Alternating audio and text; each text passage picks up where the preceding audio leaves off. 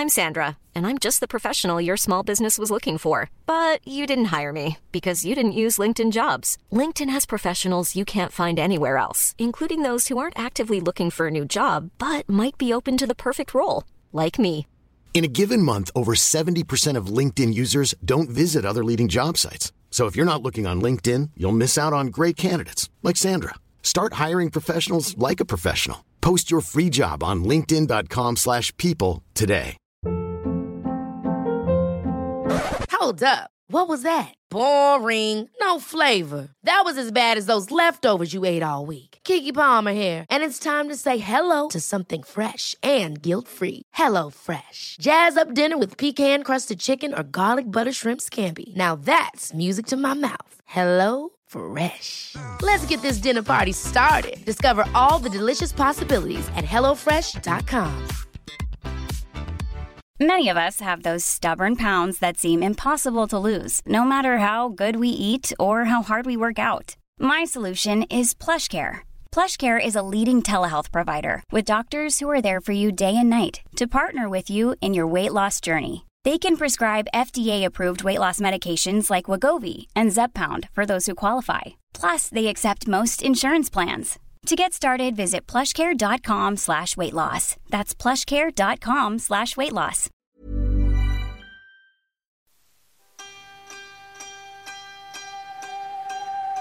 Välkommen till ett nytt avsnitt av Psykologsnack. Podden där vi pratar om psykologi, psykisk hälsa och ohälsa. Vi som har podden är legitimerade psykologer och jag heter Åsa. Och jag heter Sandra. Hur står det till med dig idag, Åsa? Ja, men det är bra, tack. Det är ju faktiskt eh, alla hjärtans dag idag. Så vi har ju firat, du och jag, lite grann Ja. med att äta vaniljhjärtan här. Det var ju väldigt mysigt. Ja, det var gott. Det var länge sedan jag åt ett vaniljhjärta. Det var väldigt fint. Hur gör ni i din relation? Brukar ni fira den här Ja, typen av... fira är väl att ta i. dagar. Men kanske passa på att göra, liksom, ja, ge någon present om det är något man vet att den andra verkligen behöver. Eller kanske äta något lite extra gott. Ja. Mysa lite. Ja. Men in, inte så mycket mer än så. Nej. Ni då? Ja, men vi brukar nog också inte gå ut och äta faktiskt, men laga något gott hemma kanske. Mm. Ibland har vi gett någonting. Och nu när jag tänker efter, eh, min kille är ju inte hemma, han jobbar ju uppe i Värmland just nu. Mm. Men i vanliga fall brukar jag faktiskt få en så ganska stor chokladask med mina favoritpraliner. Oh. Och igår kväll när jag satt här ensam hemma i soffan och var gottesugen, då kände jag mig lite så här, bara, äsch vad synd, vad gott att du har det med de här pralinerna. Ja, som du brukar få. Ja, nej men eh, vi brukar, ibland eh, ger vi ingenting och ibland bara gör vi något mysigt och tänder ljus och sådär. Men jag tycker att det är mysigt även nu när jag är själv. Att så här, vi kunde äta ett litet vaniljhjärta och Ja. ikväll kanske jag tänder något litet extra ljus och bara myser. Ja, alla hjärtans dag är ju till för alla. Ja. Inte bara de som är i en parrelation. Nej. Så man kan vara hem, hemma själv eller vara med sin partner eller ja, vad man nu gör. Ja, med en vän eller, eller inte fira allt som man inte vill. Nej, precis. Nej, man kan ju fira alla andra dagar också. Ja, ja. Det bara Ja. känns lite extra härligt kanske nu i så här pandemitider. Till så här, man bara, Åh, en liten happening. Ja, ja, men precis. Man gör det lilla extra. Ja. Så jag håller med. Det är lite fint. Man kan skicka något hjärta till sina kompisar och sin familj. Och, ja, Ja. Bara säga att man saknar dem. Ja, kanske jag ska göra. En bra litet tips. Ja, annars har ju vi varit ute och åkt skidor. Det har vi ju lagt upp en bild på. Men det gjorde vi ju faktiskt förra helgen. Det var ju superhärligt. Verkligen. Vi var ju uppe med tuppen också. Ja. Pådrivna av en annan skidentusiast. Men Ja. det var bra. Det var ju svinjobbigt tyckte jag så här, när man skulle iväg och kliva upp typ klockan sex på morgonen. Ja. Men sen när vi kom dit, typ vid åtta, då var det ju så skönt för det var så lugnt i spåren, det var superfint väder. Ja, men väldigt mysigt. Ja, ja, det måste vi göra om. Helt klart. Det kändes ju som att vi var typ i fjällen. Ja, det Det var var jättefina dejligt. spår. Mm. Ja, superhärlig dag, verkligen. För oss skidproffs.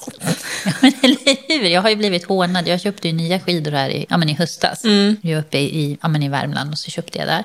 Och så skulle jag då, du vet, så här, testa och det fanns Mm. inte exakt för min vikt. Och då tog jag ja, men att man skulle vara lite tyngre. För att då sa den här försäljaren, men om man är rutinerad då Mm. är man liksom bra på att här, trycka ner. Och då säger jag så här, jag bara, ja men det är inga problem. Alltså jag är ju uppväxt på skidor. Ja. Min kille bara tittade, han bara, eh, okej. Okej. Sen efteråt, han bara, men uppväxt på skidor, du har ju inte åkt skidor på typ så här 20 år. Jag bara, men jag kan ju åka. Han bara, ja, ja, ja. ja. Ja. Hur blev det då? Nej, men sen nu Med väl var ute då på premiäråket. Dels orkade jag inte riktigt trycka ner, det var ju bakhalt. Mm. Får man väl säga. Och sen också lite komiskt att jag bara kände mig så himla kaxig när jag kom i spår. Jag bara, fan vad härligt det här är. Ja. Och bara susa ner för en backe. Ja.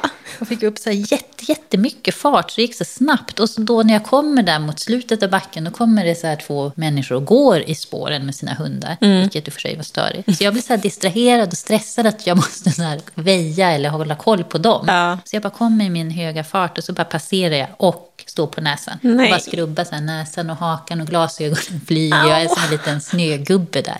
Det var premiären. Jag som Men uppväxt aj. på skidor.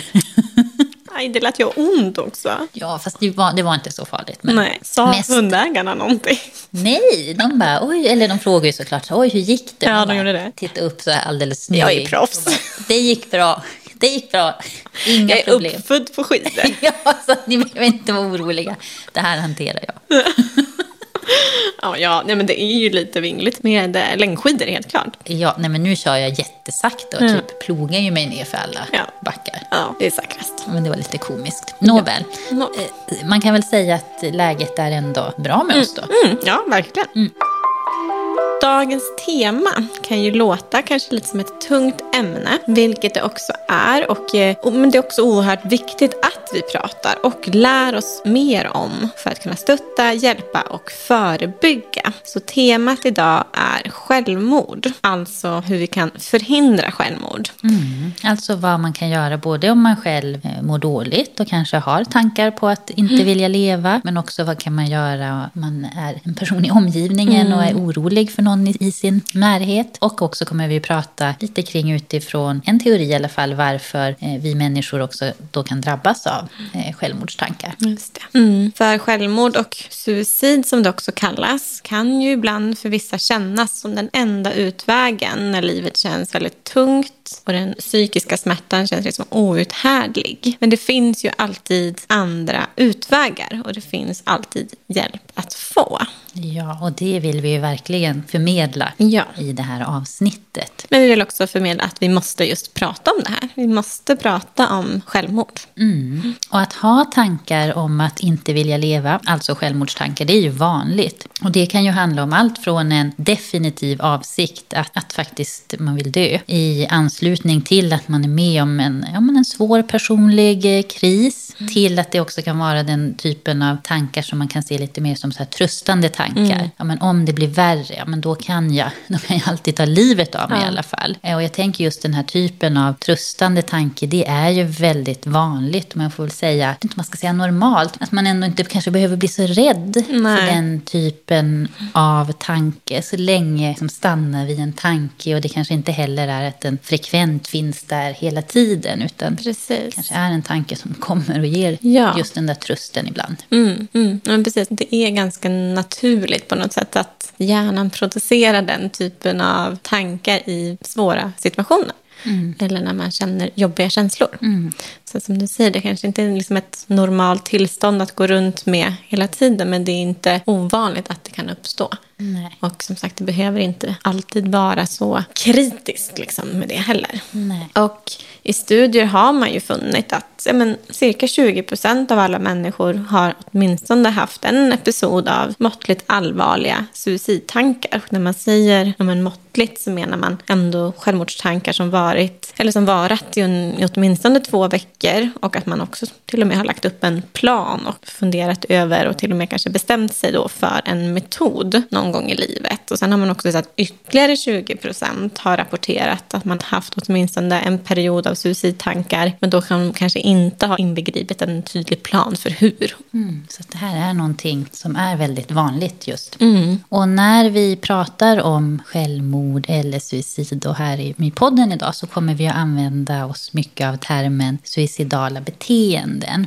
Och det innefattar ju alltså både tankar, planer och handlingar. Ja. Och det är ju också vanligt att sådana här då suicidala beteenden finns samtidigt med andra problem. Det kan till exempel vara med beroendeproblem. Det kan vara att man kanske har ett tvångsmässigt spelande. Det är vanligt också vid psykisk sjukdom. Mm. Alltså vid depression, bipolär sjukdom, psykos. Det kan också vara vid när man har ett personlighetssyndrom. Till exempel emotionellt instabilt personlighetssyndrom. Mm. Men suicidala beteenden behöver ju inte alltid ha sin rot i ett psykiatrisk diagnos eller ett missbruk. Så där kan det ibland vara bättre att man faktiskt tittar på och ser på suicidala beteenden som en mer allmän strategi som många människor använder sig av för att handskas just med intensiv känslomässig smärta eller till synes mer liksom olösbara livskriser. Mm. Så det är inte bara någonting som behöver faktiskt vara specifikt kopplat till en psykiatrisk diagnos. Nej, och det är väldigt viktigt att känna till, för annars kan det ju vara lätt att man tänker mm. att det alltid är så, utan att man kan se det att det är en utväg mm. från smärta. Mm. Och att det alltid är viktigt också att identifiera och att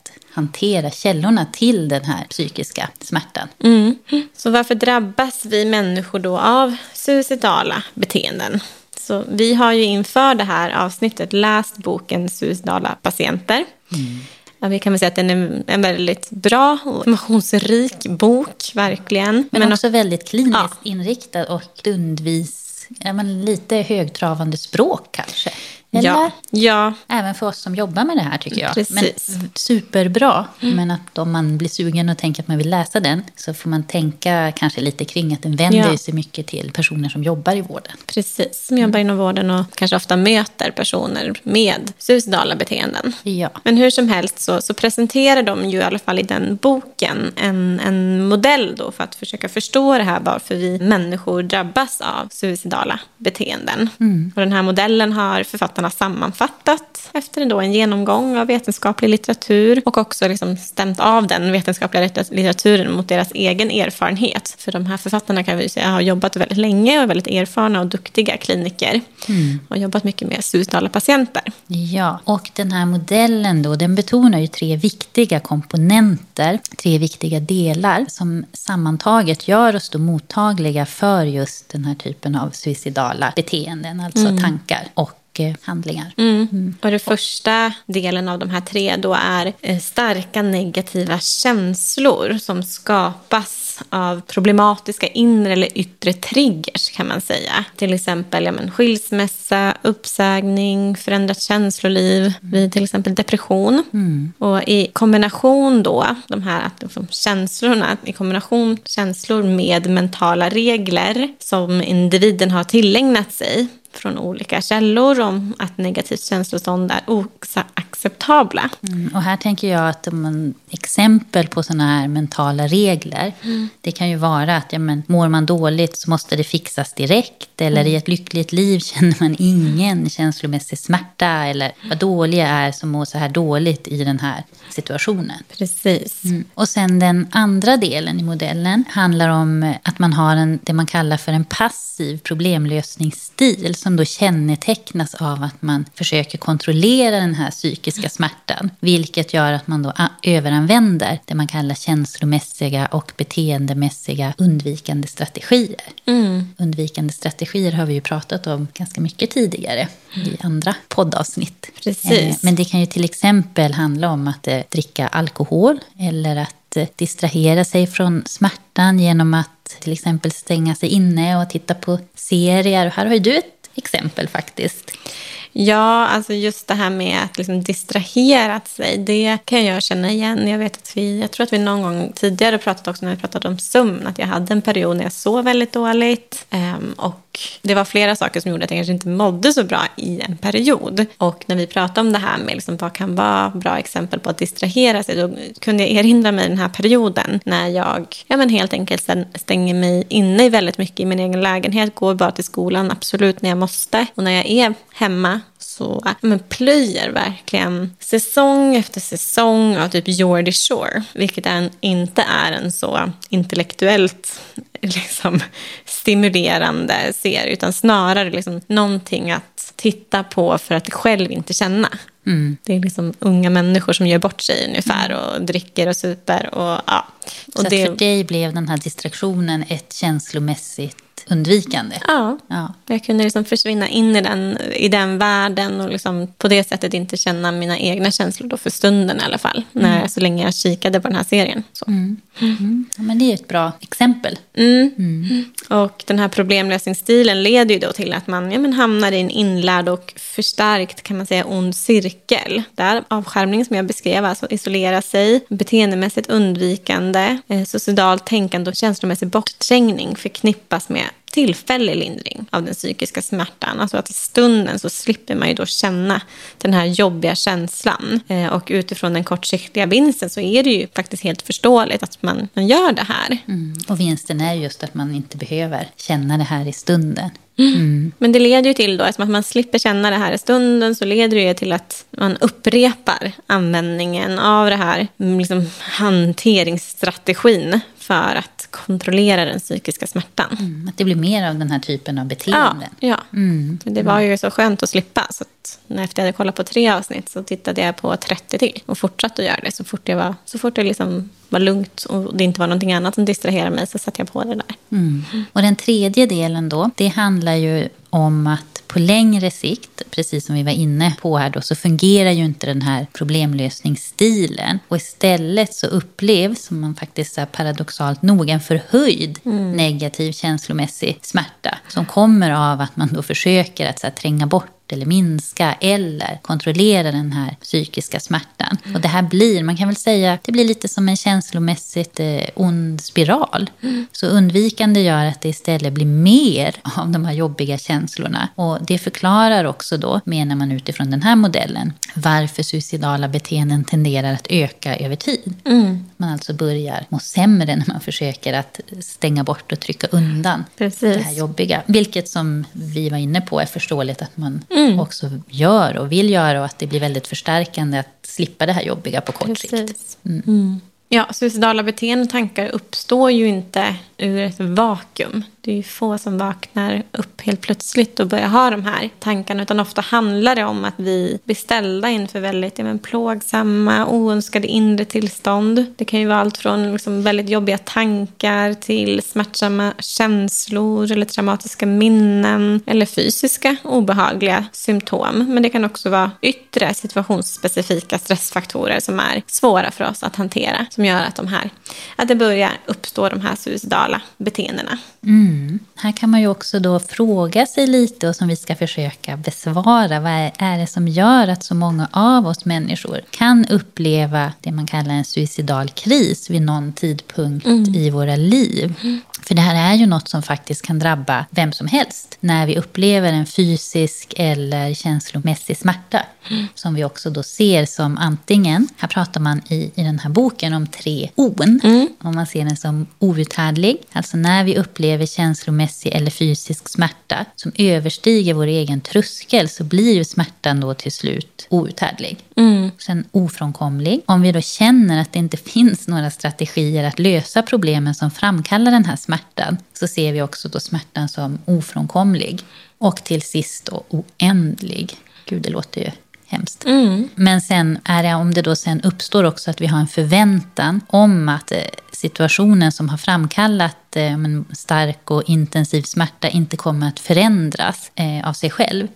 Så betraktas också då smärtan som att vi upplever att den är oändlig. Det kommer aldrig ta slut. Det kommer inte att bli bättre. Nej, men precis. Och de här tre orden det skapar ju på något sätt, när, man, när jag hör dig beskriva det här, så jag menar, en hopplöshet på något Ja. sätt. Det är outhärdligt, det är ofrånkomligt, oändligt. Då är det såklart att det leder till någon typ av kris där suicidala beteenden kanske inte känns helt... Främmande. Nej, Nej. nej. precis. Det skapar verkligen också, tycker jag, en, en förståelse för att man kan hamna där. Ja, precis. Men vad är det då som gör att vi kan hamna i en situation som gör att vi upplever det på det här sättet? Och det första som man pratar om är ju det här med yttre situation som kan ställa oss inför en övermäktig personlig utmaning. Och det är också vanligt att de här utmaningarna hemma, hänger samman med kraftiga känslor av sorg och skuld. Och det skulle kunna vara att det men att utlöses av någon typ av negativt besked. Till exempel så kan det handla om att man plötsligt har blivit uppsagd från jobbet, att ens partner eller barn dör eller att man har drabbats av någon kronisk och plågsam sjukdom. Och ångest och oro kan ju också komma från från allvarliga till exempel ekonomiska problem som bara skenar och där man kanske kommer behöva lämna sitt, sitt hus och hem. Mm. Och det kan ju också uppstå en känsla, till exempel att man har tappat sin identitet om man har drabbats av ja, en allvarlig hjärtinfarkt eller stroke eller så. Eller det kan vara ilska som har kommit om man har blivit ja, sviken eller förrådd av någon som man kanske såg som en vän eller som var ett stort stöd för en. Och, och de här problemen ackumuleras ofta, alltså att, eh, det betyder att de läggs på hög. Mm. Och så kan det vara ett specifikt vardagsbekymmer som kan bli droppen som får bägaren att rinna över. Så vi ställs helt enkelt inför överväldigande negativa problem. Mm. Andra och vanligare typen av situation som kan uppstå är när vi, vi saknar vissa förmågor att hantera krav i en situation som egentligen inte är övermäktig i sig, men som när den kombineras med våra bristande förmågor blir en väldigt stor utmaning och då som såklart kan upplevas som det här övermäktiga och olösbara. Och det kan exempelvis handla om situationer, återigen då som ja, skilsmässa, långtidsarbetslöshet, konflikter i familjen eller på arbetet. Och här tar, ju, tar man ju också upp och beskriver två typer av problem. Mm som kan uppstå i den här situationen som du precis eh, beskrev. Och det handlar ju dels om att vi då saknar vilja eller förmåga mm. att tolerera eller känna den här psykiska smärtan som förknippas med situationen. Mm. Och istället för att hantera problemen genom att vi har värderingsgrundad problemlösning, alltså att vi utgår från, som vi har pratat om mm. i ett avsnitt, vår värderade riktning, alltså vad jag vill eh, med mitt liv på lång sikt. Och, att man tar steg i den mm. riktningen så börjar man istället då att använda det man kallar känslomässig kontroll och olika undvikande strategier som vi pratade om här tidigare. Och det gör ju att problemen som vi har i våra liv i princip blir olösta och med största sannolikhet så kommer den här psykiska smärtan också att öka lidandet och det kommer bli, bli större helt enkelt. Mm. Mm. Det kan ju också handla om att vi kan ju klara av den psykiska smärtan initialt. Eh, jag att jag menar, en skilsmässa, att, ja, men, ja, vi känner men vi tar oss igenom det här, hittar någon väg fram. så. Men att man sedan inte liksom använder effektiva problemlösningsstrategier. Eh, eller om vi tänker ekonomiska problem. Att man kanske skjuter det lite under mattan eller man tar något litet lån. Eh, så. Struntar i att öppna räkningen. Mm. Mm. Mm. Att man säger, ja men det här löser sig. Jag tar det här sms-lånet så, så kommer det lösa sig så. Mm. Och med tiden så börjar ju då belastning av den här ihållande psykiska smärtan skapa fler undvikande beteenden som till exempel då självmordstankar eller planer eller till och med försök och även ibland då självmord. Och så en ineffektiv problemlösning kan bero på en oförmåga att definiera problemets natur och omfattning.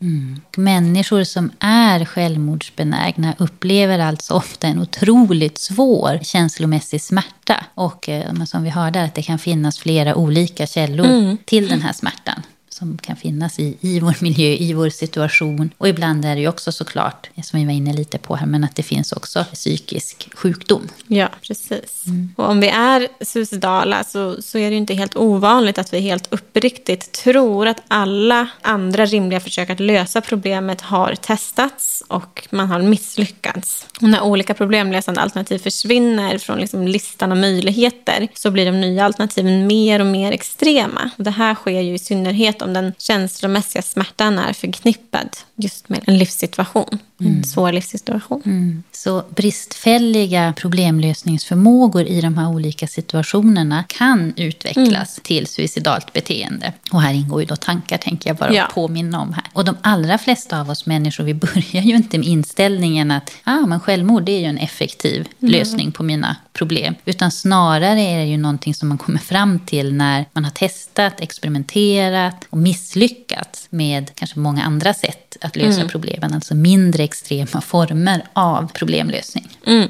Mm. Det är ju det, alltså man, man jobbar ju mycket i, i, behandling med att upptäcka att såväl inre och eller liksom yttre problemlösningsalternativ har förbisetts eller blivit otillräckligt använda. Mm. Till exempel då om man upplever det här, men jag har testat så många olika saker och det här känns som den enda vägen ur. Att det är vanligt då att man faktiskt, man har nog missat vissa problemlösningsstrategier och vissa kanske man inte har riktigt testat fullt ut heller. Mm. Man har liksom gett upp ibland. Så där kan man ju exempelvis då kanske fokusera på då problemlösningsalternativ som att lära sig mer om ångest, känslor, tankar och hur man kan förhålla sig och stå ut med obehagliga. Eller mer yttre problemlösningsstrategier som att be om hjälp Eventuellt om det är någon medicinering som skulle kunna liksom hjälpa eller om det är ekonomiska problem, att man börjar skuldsanera. Så tillsammans eh, hittar man helt enkelt eh, ja, men då mindre extrema mm. sätt mm. att lösa de här problemen. Och här kan man ju också tänka att det är klart att man behöver faktiskt också få eh, konkreta erfarenheter av att det här är värt ansträngningen och tålamodet som krävs. För det kommer ju att ta lite tid att vända det här. Det går ju inte över en natt. Utan att Nej. man kommer behöva jobba med det här, men att det går att vända. Ja. Så att vi måste ju helt enkelt då lära oss nya och mer funktionella sätt att problemlösa. Och som de skriver i den här boken, Suicidala patienter, att det är värt att minnas och kanske påminna oss om att självmord är en permanent lösning på ett temporärt mm. problem. Mm. Ja, det är viktigt att, att minnas. Mm, eh, verkligen. Jag tycker det är så bra formulerat. Ja, verkligen.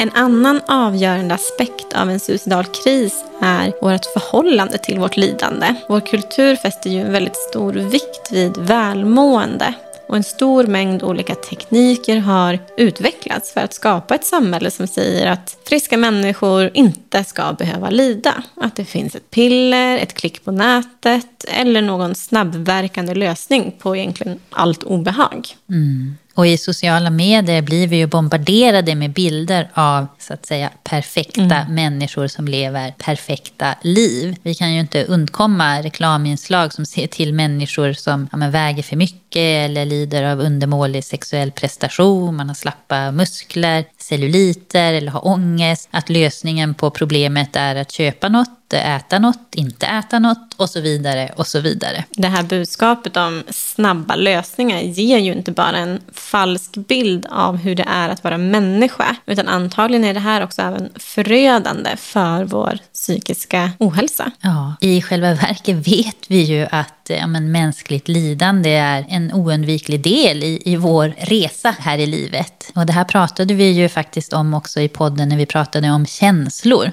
Så även om smärtan i livet är oundviklig mm. så går det ju faktiskt att göra något åt lidandet. För lidande kan man säga att det uppstår när vi skjuter bort smärtan. Och den här smärtan som är, ska man säga, äkta och normal och en del av ja, men det här mänskliga. Och det är ju när vi, alltså samhället, ser på smärta som någonting giftigt och dåligt och otänkbart som vi, alltså alla människor, du och jag, blir socialt tränade i att så här, skjuta bort eh, smärta vi förvandlar det till traumatiska personliga händelser istället för att se det som en normal och oundviklig del av livet. Mm. Så det gör ju också att det här med undvikande strategier verkligen ställer till det. Det skapar ju på något sätt också att att man ska undvika det här, för det är mm. någonting som vi inte ska ha mm. i våra liv. Och det är ju väldigt vanligt med undvikande strategier, inte bara vid suicidala tillstånd. I ett försök att hantera situationen så är det ju vanligt att vi använder oss av copingstrategier som tar ganska mycket på krafterna och snabbt tummer de mentala resurserna. Och det här gör då att vi inte har den ork och fokus som kanske behövs för att nå fram till mera funktionella lösningar på livets utmaningar. Exempel på det kan ju vara att man lider, man har den här psykiska smärtan och ett sätt att försöka få bort det exempelvis genom att använda alkohol eller droger. Och det är såklart, ja, men på kort sikt då får man ju bort det, men det tar ju väldigt mycket energi mm. att använda sig av alkohol. Ofta blir man ju väldigt trött, utmattad och just det här att inte kunna ha fokus. Mm.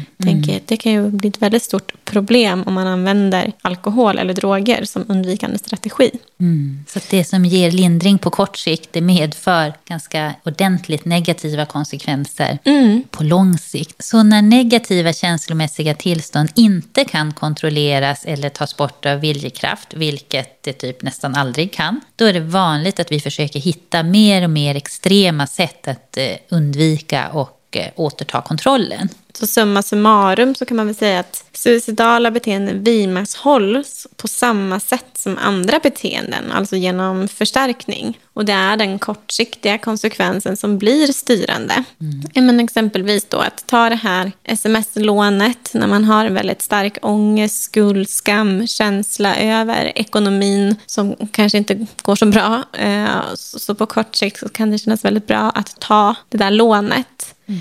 Eh, men på lång sikt så finns det ju stor risk att det ställer till det ytterligare med höga räntor och kanske att man inte kan betala tillbaka. Ja, vilket då kanske gör att man tar ett ännu större lån och så kan det där spinna iväg tills det känns just som att det är outhärdligt, oundvikligt och oändligt problem. Mm. Så oavsett vad som har gjort att ett eh, suicidalt beteende har uppstått så finns det ju hjälp att få. Om du mår dåligt och har tankar om att inte vilja leva eller kanske planer eh, på att ta ditt liv så finns det stöd och hjälp att få. Och det kan ju handla om hjälp att eh, lära sig att stå ut med den psykiska smärtan smärtan, att hitta nya och andra sätt att eh, lösa de problem som finns. För jag tänker att utifrån den här förklaringsmodellen som vi nu har försökt att mm. presentera på ett, hoppas vi, begripligt sätt så handlar det ju om att man ser de här suicidala beteendena som en form av dysfunktionell, icke-fungerande problemlösning. Mm. Det känns ju väldigt hoppfullt då, att man kan faktiskt få hjälp att lära sig andra strategier, andra förhållningssätt att lösa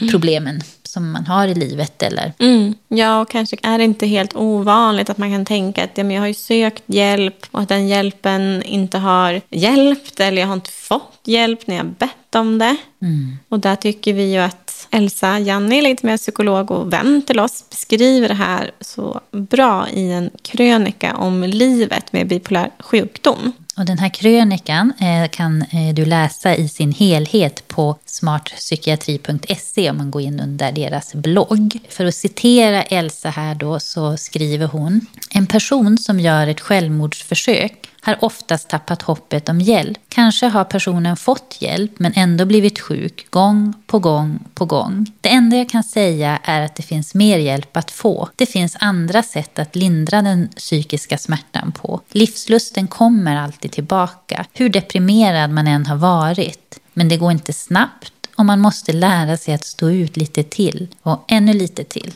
Elsa skriver vidare här också att vi behöver alla rusta oss med tålamod, ödmjukhet och prestigelöshet. Och så hoppet. Det viktigaste av allt. Hoppet. Hoppet finns. Även när det känns som mest hopplöst så ligger hoppet och pyr någonstans. Så ge aldrig upp.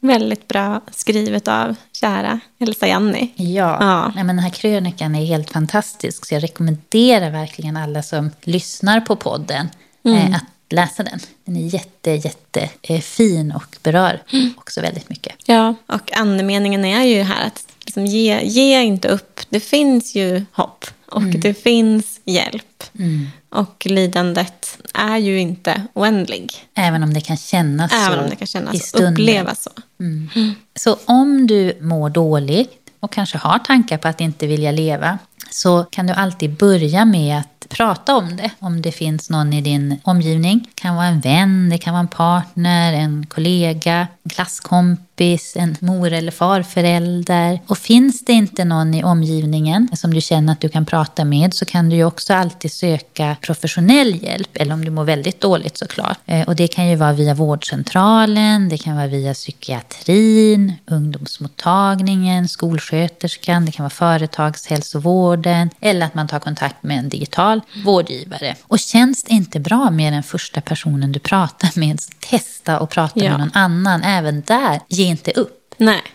Nej men verkligen. Och, där, och det är ju såklart tufft när man redan mår dåligt att då kanske känna att nej men det här var, kändes inget bra, det här funkade inget bra med den här hjälpen. Men precis som du säger här, testa en till. Mm och en till. Mm. Det är ju helt klart värt det. Och det finns så himla mycket bra människor och hjälp där ute mm. att få.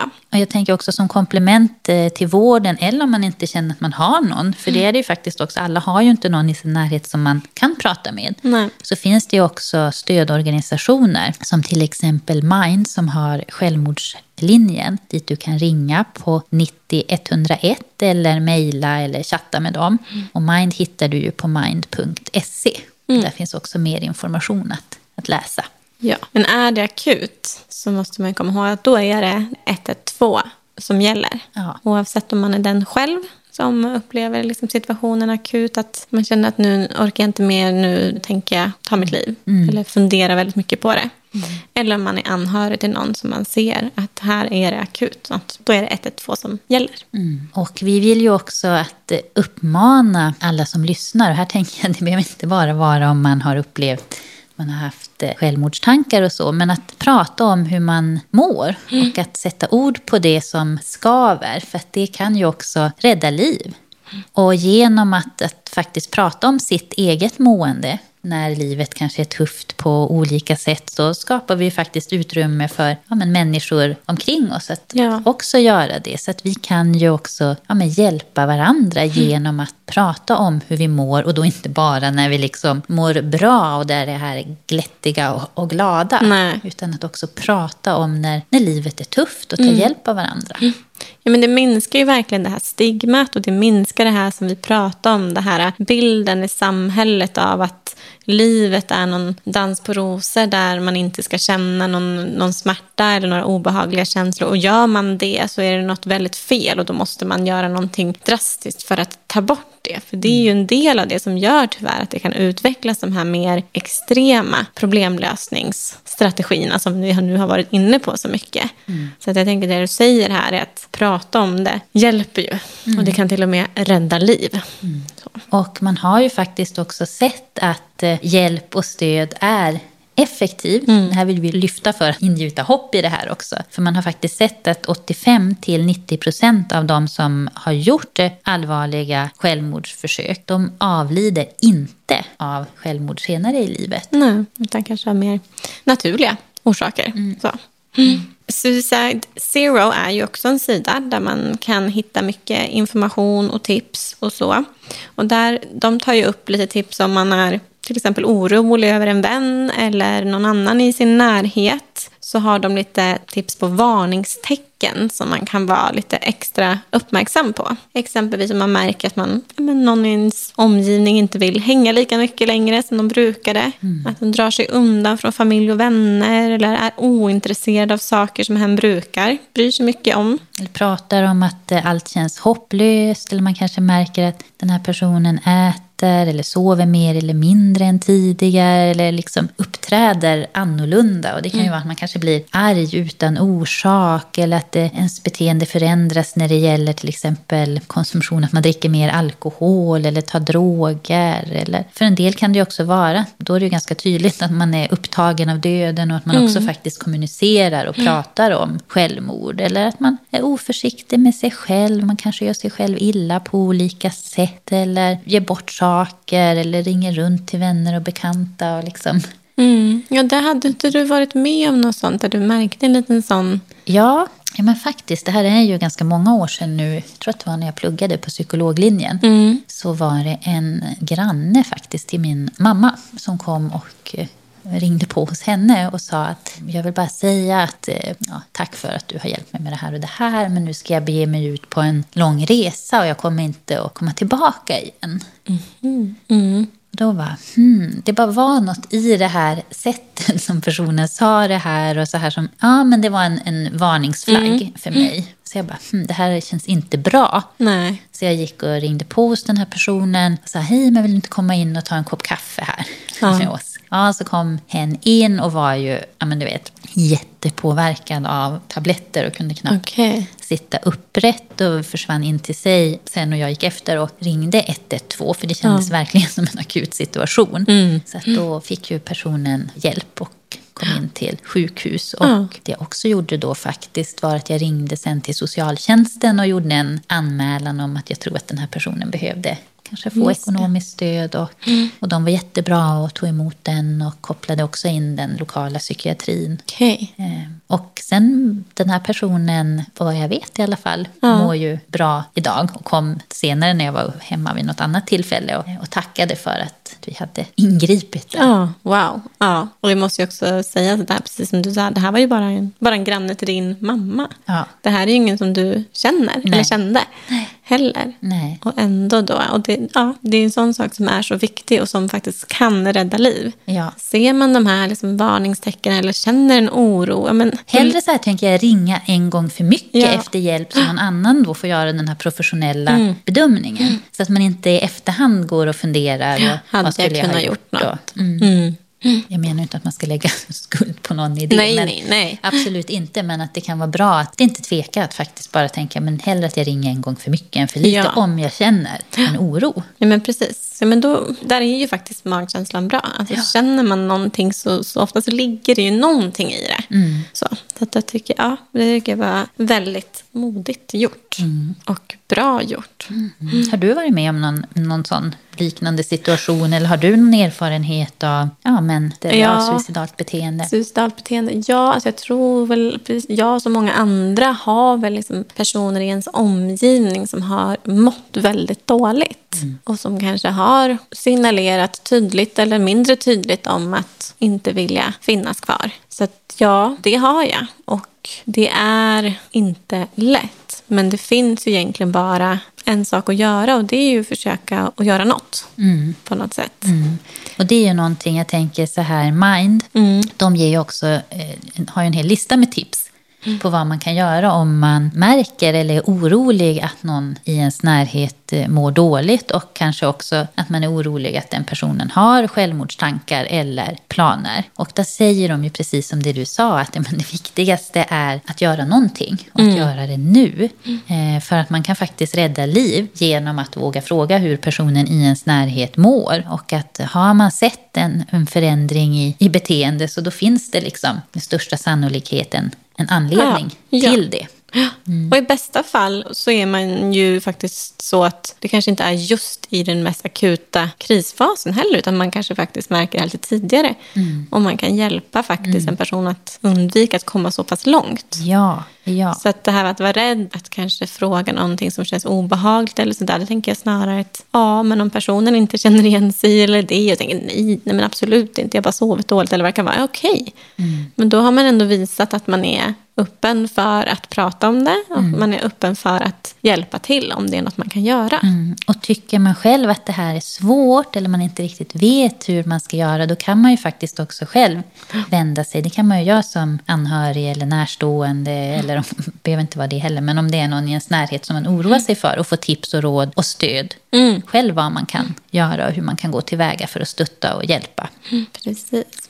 Och något som kan vara bra att tänka på också är ju att man behöver vara medveten om sina egna reaktioner. Och en vanlig reaktion om man då stöter på någon som kanske kommunicerar någon typ av suicidalt beteende är ju impuls att liksom ignorera situationen och hoppas på att den går över av sig själv. Det är ju såklart otroligt obehagligt om någon i sin omgivning säger att de inte vill leva eller liksom antyder det på något sätt. Så det är ju precis där, vad gör vi när någonting är obehagligt? Ja, men det är lätt att vi snabbt tänker att vi ska försöka undvika det här och komma bort från det. Eller att man känner ett behov av att hitta en snabb lösning på problemet. Jag tänker att Elsa tog ju upp när hon gästade oss i podden, Elsa Janni då som vi nämnde här tidigare. Just det här att om någon kommer och pratar med någon som mår dåligt, att själv inte bli för rädd. Att vara även då uppmärksam på de reaktionerna så att man inte i sin egen rädsla och att man börjar problemlösa och så här kanske lägger ännu mer skuld och ångest på, på den andra personen. Utan att försöka att faktiskt så här vara tillgänglig, lyssna. Ja. Eh, finnas där för personen, visa omsorg, omtanke. Och återigen behöver man ta stöd själv och prata med någon och få ventilera sin oro och sina eh, känslor och reaktioner. Precis. Ja, och man kan ju fundera över, liksom, i det här då att man lyssnar, att fundera kring vad är personens behov eller längtan? För det kan ju vara ett sätt att motivera den här personen till förändring. Vad är det den här personen längtar efter mest av allt? Vad är det de behöver? Hur skulle du vilja ha det? Vad skulle jag kunna göra för, att, för att få dig att må bättre? Och också att här, ställa raka och tydliga frågor kring personens mående och situation. Och där kan det ju vara att man säger, men jag har sett det. Jag har tänkt att du ser lite ledsen ut eller du har verkat lite låg nu. Vill du berätta? Att öppna upp för det. Ja. Att det är okej. Eh, och också att faktiskt det enda sättet eh, att ta reda på om någon tänker på självmord, det är ju att fråga om det. Eh, Att ställa frågan. Och här tänker jag att jag, såklart att om man inte är van vid det, vi har ju jobbat Ja. med det här, så då kan det ju vara lättare. Men att inte vara rädd för att fråga.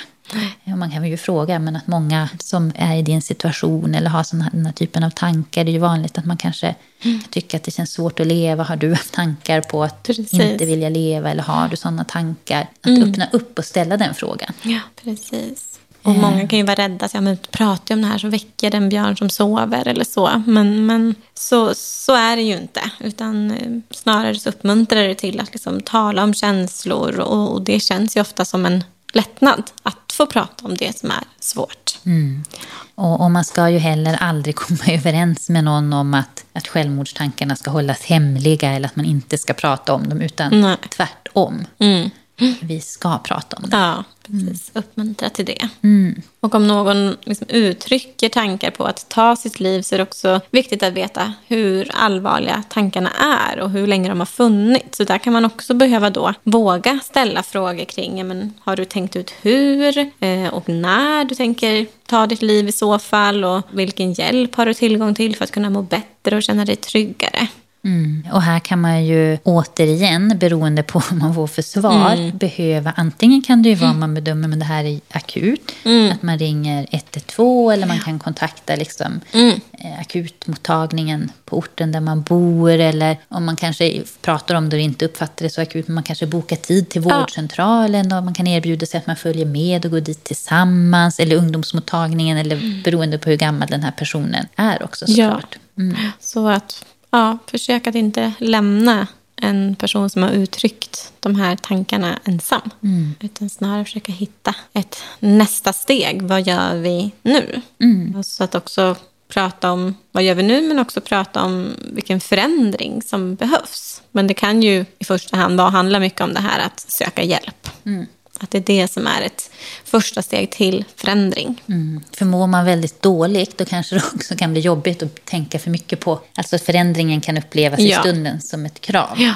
Mm. Men sen en annan viktig eh, sak som man kan säga eh, är väl också det här att ja, men om man har en person i sin närhet som inte mår bra och som kanske kämpar med att faktiskt orka leva. Och jag tänker egentligen att det gäller oavsett om, om personen har uttryckt liksom suicidala beteenden eller inte. Men om man har en person som mår dåligt i sin närhet, att ta hand om sig själv. Ja, För att det är ju påfrestande Eh, att vara närstående eller anhörig. Och i synnerhet om det kanske handlar om en självmordsnära person och om det pågår under en längre tid så ska man ju inte vara ensam i det här utan man behöver, som vi har varit inne på nu, också som närstående ha någon att, att prata med. Ja, ja. Att inte bära på det själv. För Det kan ju bli väldigt, väldigt tungt såklart. Och för att kunna hjälpa någon så behöver man ju själv ha ork för det. Så då kan man själv behöva hjälp i sin tur. Ja, nu har vi ju pratat på länge och väl här. Och vi hoppas ju att ni som lyssnar ska känna att ni har fått med någonting, lärt er någonting nytt. Jag hoppas att de känner sig stärkta i att våga prata om det här och också en ökad förståelse för suicidala beteenden. Det är ingenting som uppstår bara utifrån ett vakuum utan det här är ju liksom en process det är väldigt få som vaknar upp en dag och känner att det här är en bra lösning. Utan det här är någonting som pågår och det utvecklas över tid utifrån olika psykologiska modeller, eller vad man ska säga. Eh, som gör att till slut så hamnar man kanske i en sån situation där man känner de här tre ona. Mm, I den här suicidala krisen. Ja, i den här suicidala krisen. Och vem som helst kan hamna där. Och det behöver inte föreligga någon liksom, psykiatrisk diagnos eller så heller. Även om det är vanligt. Ja, det är ju vanligt. Men att, att våga liksom prata om de här sakerna helt enkelt. Att utifrån den här förhoppningsvis då ökade förståelsen våga prata om det. Och också utifrån, hoppas jag att vi har förmedlat det här, vilken skillnad det kan göra att våga prata om det. Både om man själv är den som mår dåligt eller om man har någon i sin omgivning som mår dåligt. Mm, Och som man oroar sig Som för. man, precis. Att det, det gör sån otrolig skillnad. Och att det kan rädda liv. Ja, det gör det. Det räddar liv. Mm. Och det finns jättemycket bra information att hitta på Mind och eh, Suicide Zero.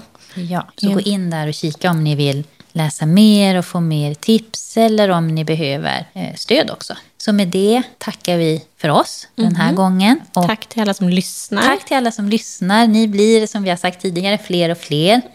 Vi blir så glada över det. Att ni vill höra oss och ta del av det vi gör. Verkligen.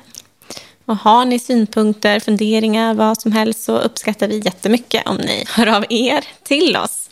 Antingen om man vill göra det via Instagram eller, eller Facebook. Ja. Så svarar vi. Så vi säger väl hej då. Ja, tack för idag. Ja. Hej. Hej.